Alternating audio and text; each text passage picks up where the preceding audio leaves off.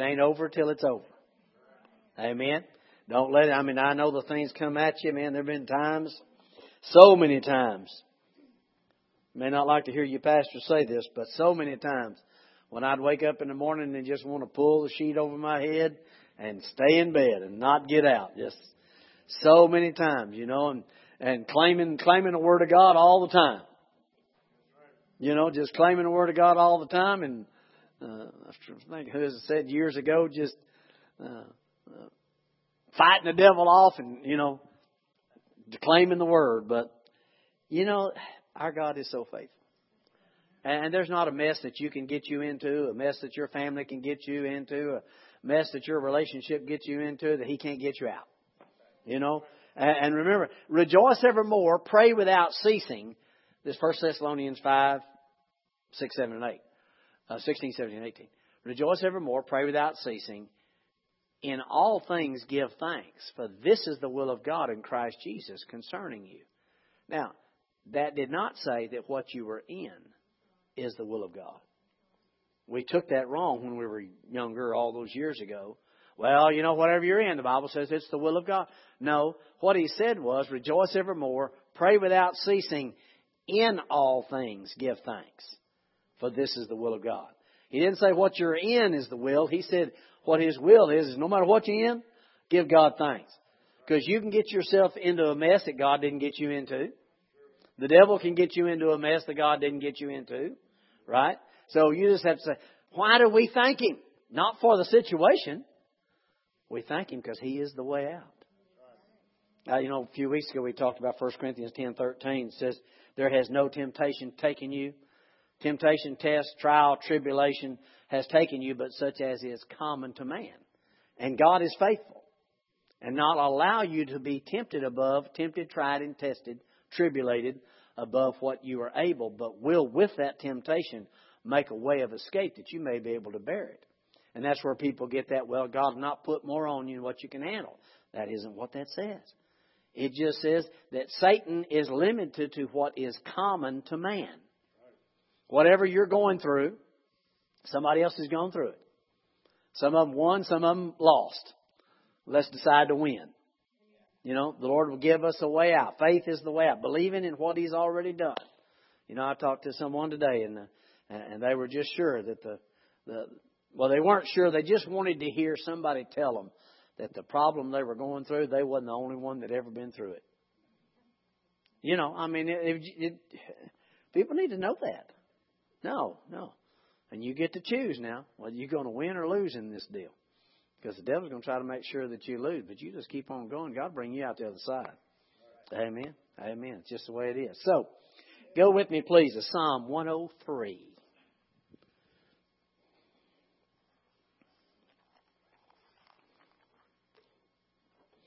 I told you not long ago. I said it's fun to read Psalms. Uh, those when when David uh, David would write Psalms, he would start out so many times when he'd write a psalm, David would start out in trouble. He'd start out in a hole. He'd start out with uh, Saul was chasing him. He'd start out with his enemies after him. And man, when he'd start writing these psalms, you think, Lord, David, I mean, woe is me? I mean, come on, get a little attitude about you. Because he would just tell how pitiful it was and, oh, I'm just in this mess, da da da.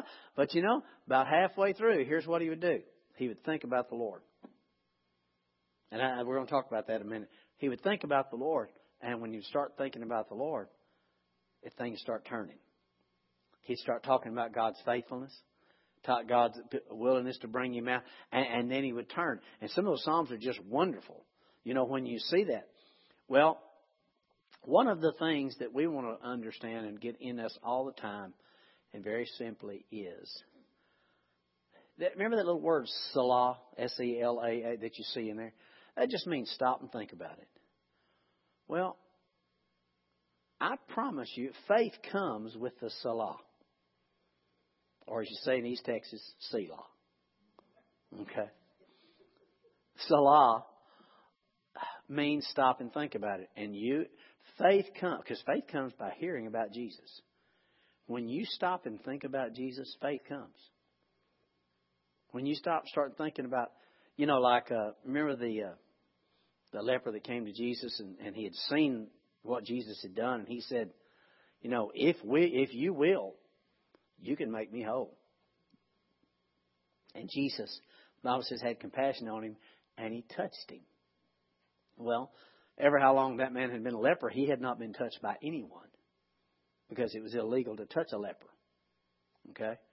But Jesus had compassion on him and loved him.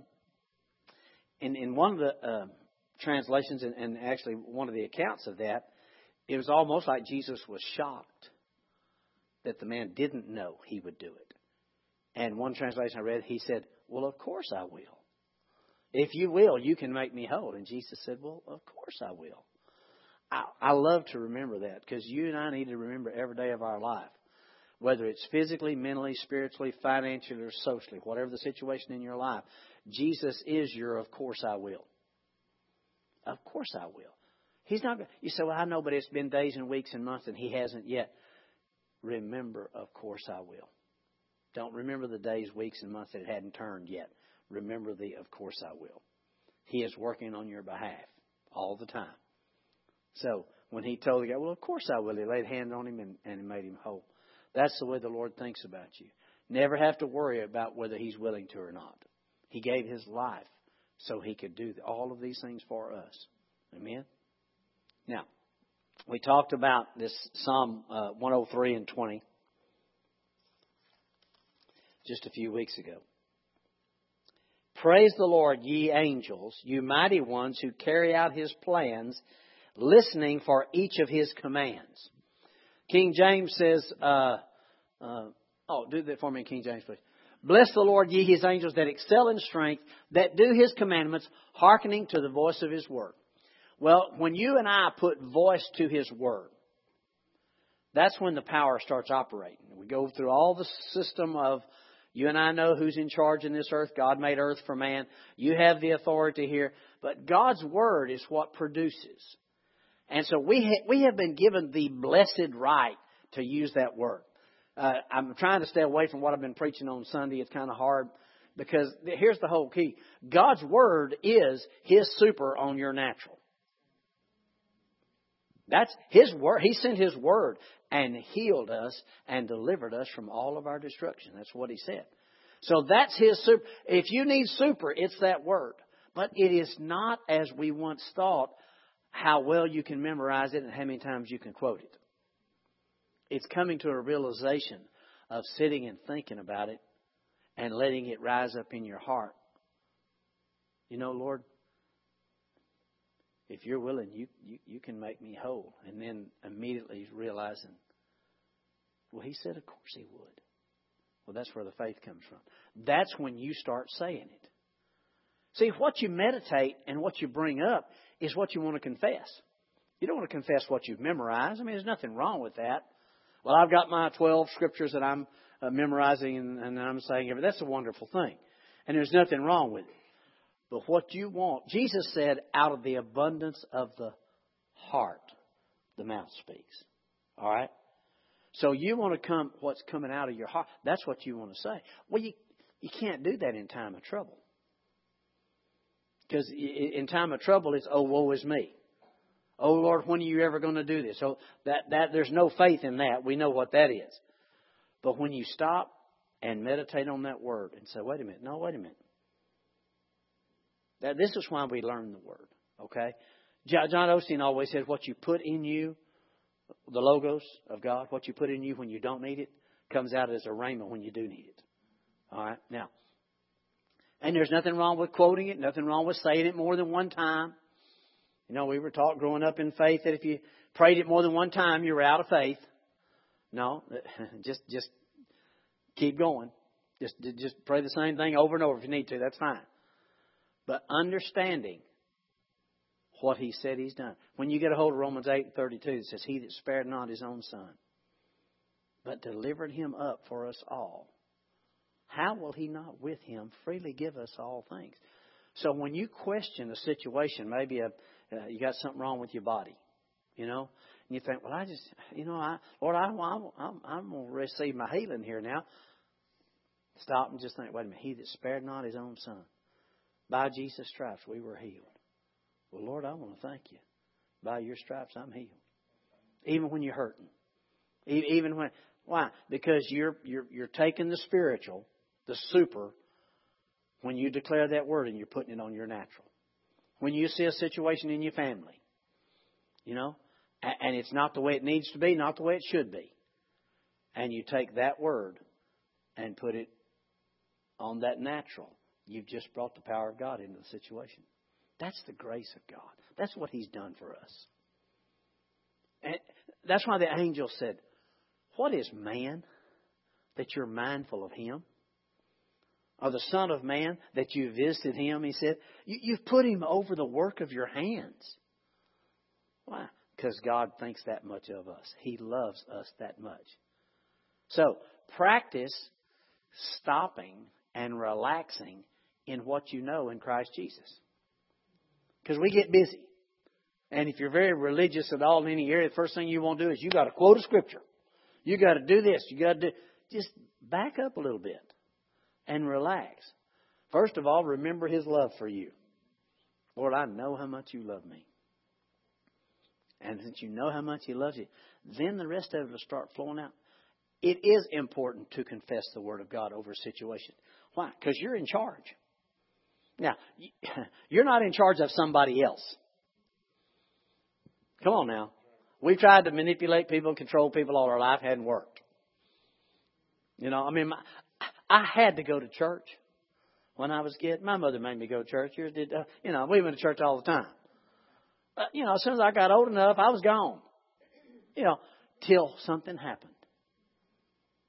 Till the Lord changed my life. When the Lord changed my life, came back to church. Didn't care anything about it till then. Well, see, that's that's what we've got to understand. It's the inside out, not outside in. You know? So be patient with people who are still operating outside in instead of learning to operate inside out. All right? When you confess the Word of God, the power of God. He said, My word will not return to me void. And child of God, it's about time we start believing what He says instead of trying to make that happen. Well, you know, God said His word not return to Him void, so I gotta, I gotta get the faith together here for this, to, for this power to operate in this word. Uh-uh. It's His word. It's His power. Are you with me? Let's relax a little bit. How many on the way to heaven? The rest of you will pray for. But anyway, no, we're on our way to heaven. The rest of it's just gravy. Now, I don't mean that in a, in a flippant way, but you understand what I'm saying? We are children of the Most High God. We are born again. And God has provided some better thing for us. But let's don't get all bent out of shape because we think every prayer needs to be answered right now. We got to get this done and we got to get this done. Because I promise you, if all of it got done, you'd have a whole new set tomorrow. You would. You'd come up. You know, I told you, I lived my life that way for years. I could not enjoy what I ate because halfway through what I was eating, I was ready to get to the next thing. My life was just that way. I couldn't enjoy any ministry that we were doing because anytime we we're halfway through with it, my mind is on the next thing. I'm going. All right, just chill out. Relax. Your God loves you. You're supposed to be the example of a kept individual. One who has, you know, the, the relaxation of God. Uh, in fact, let me give you a scripture. Somebody said Sunday, they said, I just love the message Sunday. Pastor didn't even open his Bible. I thought, well, okay, I kind of understand that, but I promise you I gave you the word. All right. Uh, but I have certainly been guilty of trying to preach too many scripture at one time. All of us, anybody that's taught has. When you can just relax a little bit and let the Lord bring out, you know, what He needs to bring out in order to touch lives. Because we're living in a time, we're, we're living in an explosive time. And I know we need to, when you say that, you need to be shouting and screaming, but I don't think we have to. I really am expecting. I believe we're standing right now in the edge of a great explosion of people getting hold of God's grace, of understanding His love, and walking in it, and believing, and finding out how free they are. Amen. And and you know, because I, I, I deal with ministers a lot too when I when I teach grace and talk about the you know and people. Well, now, brother, if you teach grace too heavily, I mean that's a, a you know it's people are going to run out in sin. Not unless they were planning to anyway. That's the whole key to it. You know, if if people get you know, when you preach the law, people don't quit doing the wrong stuff. They just hide it better. That's just the way it is. You and I even your flesh might want to do something wrong, but you don't. You don't, because you're born of God. Now, if this guy down in here wants to come up with evil, you need to check if you're born again. But if you're hearing from this born again man, no, that's not who we are. We don't live that way. That's not right. Then you're okay. Even though your mind wants to go a hundred different ways. You know, it's kind of like that little story that Joseph Prince tells about the the boys walking down the street you know, just laughing and playing and having a good time. And they go by this empty building. It's got all these glass windows on it. And, and there's a sign on there that says, do not throw rocks at this building. Well, what's the first thing people want to do when you see the sign? You want to pick up a rock and throw it. Why? Because the the strength of sin is the law. The more you tell people not to, not to, not to, the more the devil's able to use that to make people do what they don't want to do. But when you teach people how free they are in Christ Jesus, then people start walking into the things they want to walk into and out of the things they want to walk out of. All right? So, relaxing. I'll get to the scripture. I really, really like this one as I, I looked at it. Romans 5, uh, Romans 15.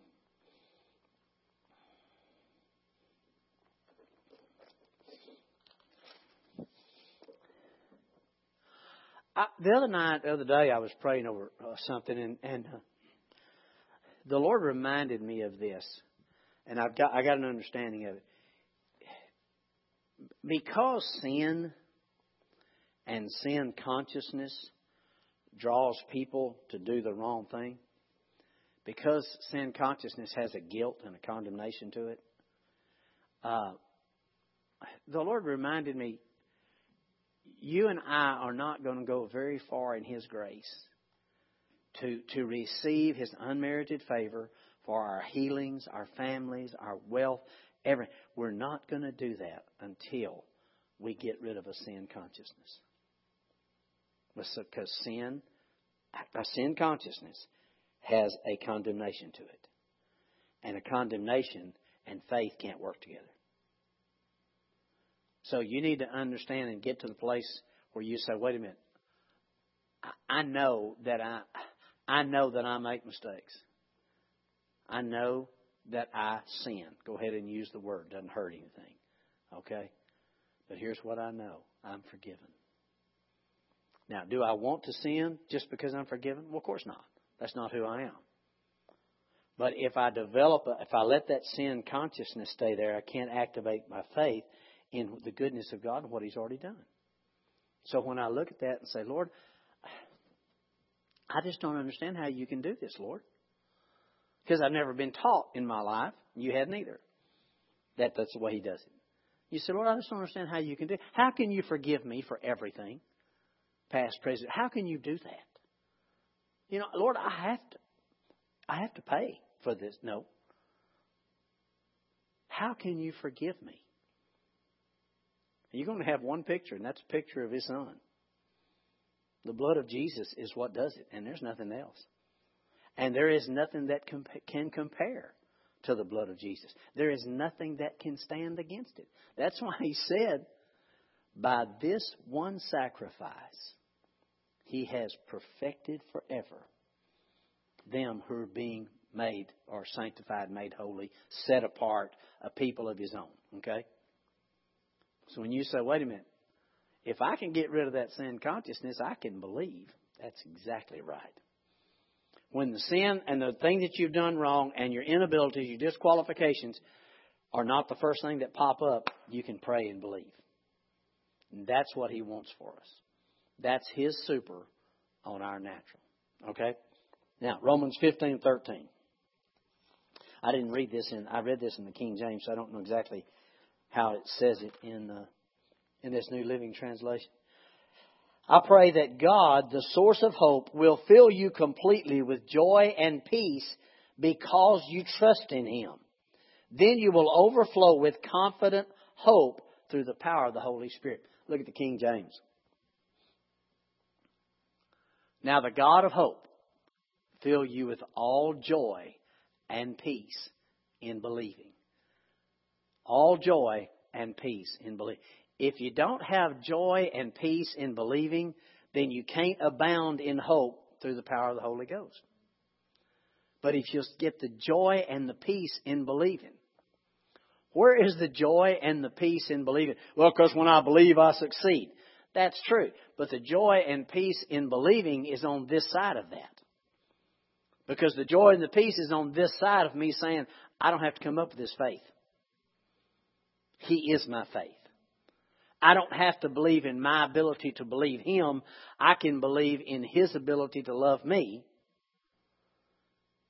And I'm forgiven. I'm delivered. When I pray, He hears me. That starts developing joy and peace in believing. Remember what G, when Jairus had asked Jesus he, that to come and, and heal his daughter. And remember, they were walking through that crowd with the lady with the issue of blood came and touched Jesus. Now, well, it stopped him, and he said, "Daughter, your faith has made you whole." Well, as they kept walking, about that time, they came to Jairus and said, "There's no reason for you to bother the teacher anymore. Your daughter's dead." Immediately, Jesus looked at him and said, Fear not, believe only. Fear not, believe only. There's our key right there. Believe only. But, but, Brother Butch, how do I believe? You just believe. See, we want our believing to make every little thing in life perfect, and we're not there yet. So, because that happens and doesn't take place like we want it, we sometimes stop believing. But there's joy and peace in believing when you just relax and say, wait a minute, some way, somehow, God's going to make this thing turn. I'm going to believe. I have decided to believe. I'm not going to do one more thing. I'm not going to go read six more chapters because I feel like that's what's going to make it work. Come on. I, I'm not going to fast one more time because I believe that's what's going to make it work. I just, I just believe only. How do you believe only? Lord, I believe. Thank you, Lord. You've shown me how to believe. You have made me a believer. I believe. You say that can't be that simple. It has to start that simply.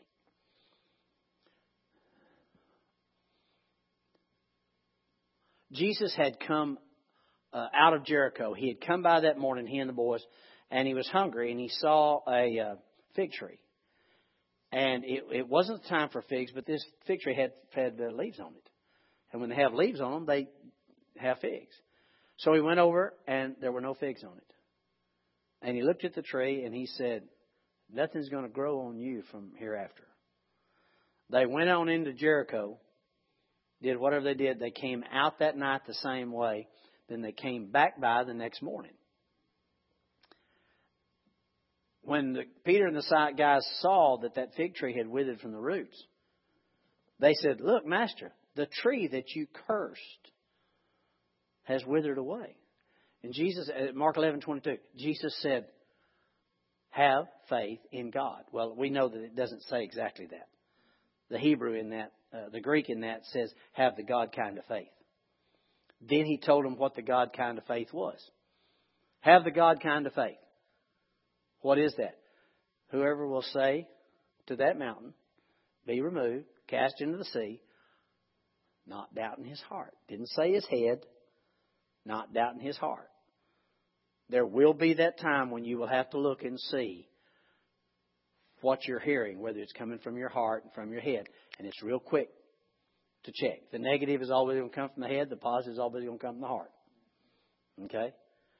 The head is going to say, it hasn't moved. The heart is going to say, but my God moves those things. Okay? So, not doubting his heart, but believe that those things he says will come to pass, then he'll have whatever he says.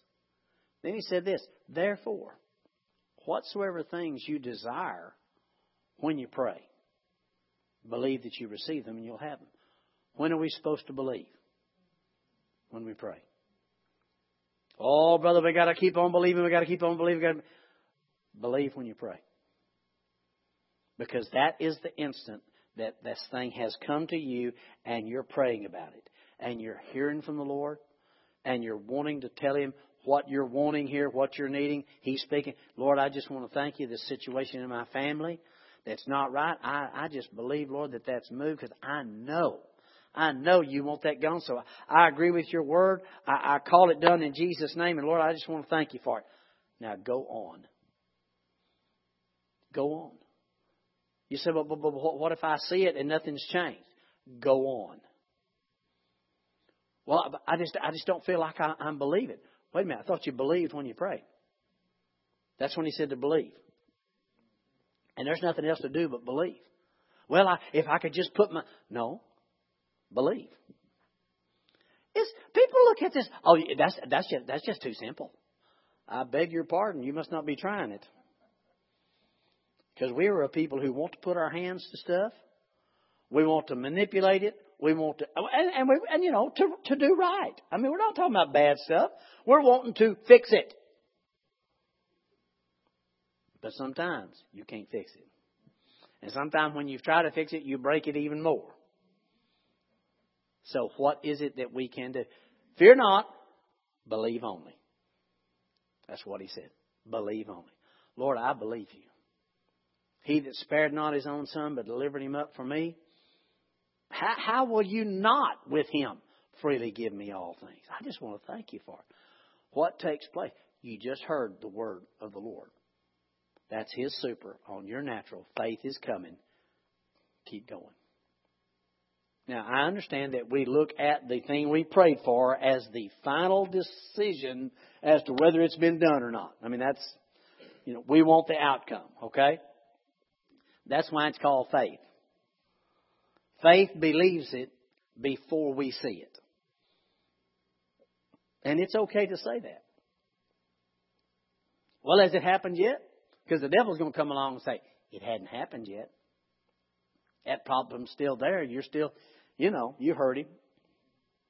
You got to know he's got to be terrified because he can see he while he's a dead spirit or a, a, lifeless, godless, lifeless spirit, he he's still been around long enough that he's seen all this stuff happen time and time again. So he always looks like what happened before. So he's terrified the thing's going to change. It's kind of like Lazarus in the tomb. They said, Master, if you'd been here, our brother would not have died. And Jesus said, But I am the resurrection. And they said, Yes, we know he'll, he'll you know, and he'll, he'll rise. And he said, I, I am it. Jesus stood, and the first thing he told them to do was roll the stone away. Roll the stone away. Why? Because he's fixing to call life out. And if you want to see life, sometimes that thrones, you know, There'll be, I mean, I'd like to see Lazarus how he got up to the mouth of the tomb, you know, all wrapped up in his, in his little garment and stuff like that. But don't worry about, well, we, we got to move the stone. Well, Jesus will tell you what to do. He just said move the stone. And then all he said was, Lazarus, come forth. And here he came, hopping out, or ever how he got out. I, mean, I guess he's still bound. The Bible said he was still bound in grave clothes, but he was still alive. What did Jesus say when he stepped up there? Father, I want to thank you that you always hear me. See? He knew the Father always heard him. Relax in what you know. You're not going to fix every problem in the world or every problem in your life and every problem in your family. The Lord's the only one that can do that. But you can put your faith to it and depend on your Savior to fix your health, your wealth, your peace, your life, your joy, your money, your whatever it is. You can just relax in it. Take the pressure off of you. You cannot do this. Burton Newsom just a few weeks ago heard from the Lord just a word for me, just walked up and said, You know you can't do this. And I knew what he was talking about. Whether he knew about it or not, I did. I knew what he was talking about because you know that's I, I want to fix stuff, but he can't do it. But my what was worse than me not being able to fix it was me not relaxing in my understanding that I can't fix it. Relaxing in the Lord Jesus and realizing He can fix this. The Bible calls it casting all care upon Him, for He cares for you. Casting all that care. Lord, I can't do this. So I'm gonna, I'm just going to roll this over on you. But here's what I do, Lord. I believe. You have made me a believer. I believe. I'm not going to look at the circumstances. I'm going to believe. Believing. That's, that's who we are. It's what we do.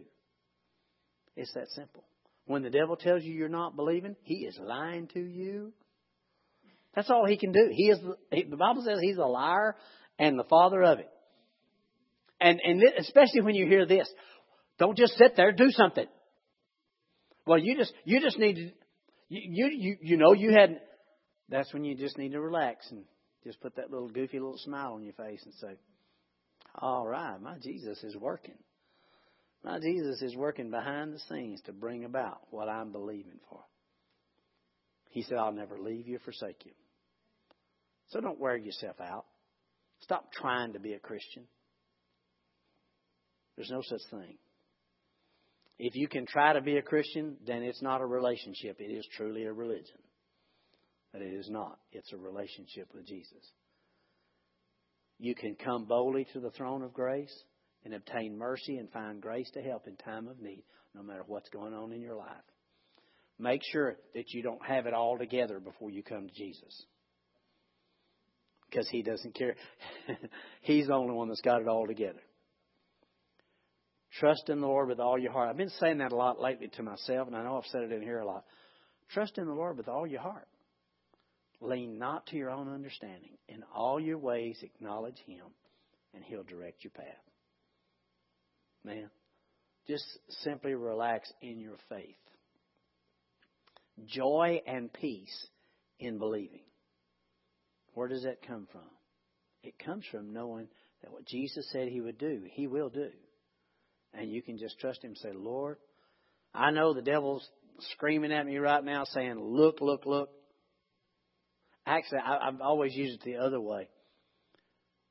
Uh, no, I think that's right. The devil will usually say, Look, God will say, See.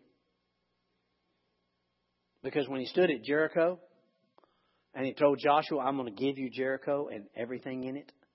And Jericho had, you know, 18 feet tall walls, 12 feet wide. They could run chariots around on both of them.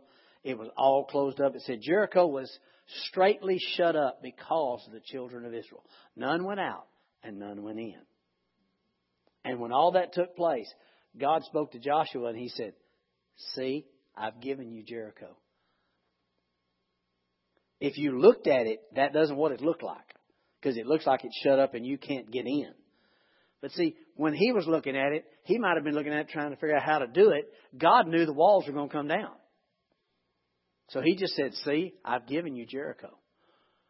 In whatever the situation is that you're praying about or maybe even stressing over whatever, just let the Lord hear the Lord say, See, I've done this for you. See it with your with your spiritual eyes. See it with God's super on your natural instead of you trying to do it. But just relax. You're loved. You're forgiven. Right now, for real. That, that's it. That's bottom line. God is not holding your sins against you. He will provide the faith for you to believe for anything that you're needing for your family, to fix your family, to bring more, whatever it is. He is it totally and completely. And that's why all we want to do is believe. Amen? We got to quit. Let's receive this evening's tithe and offering.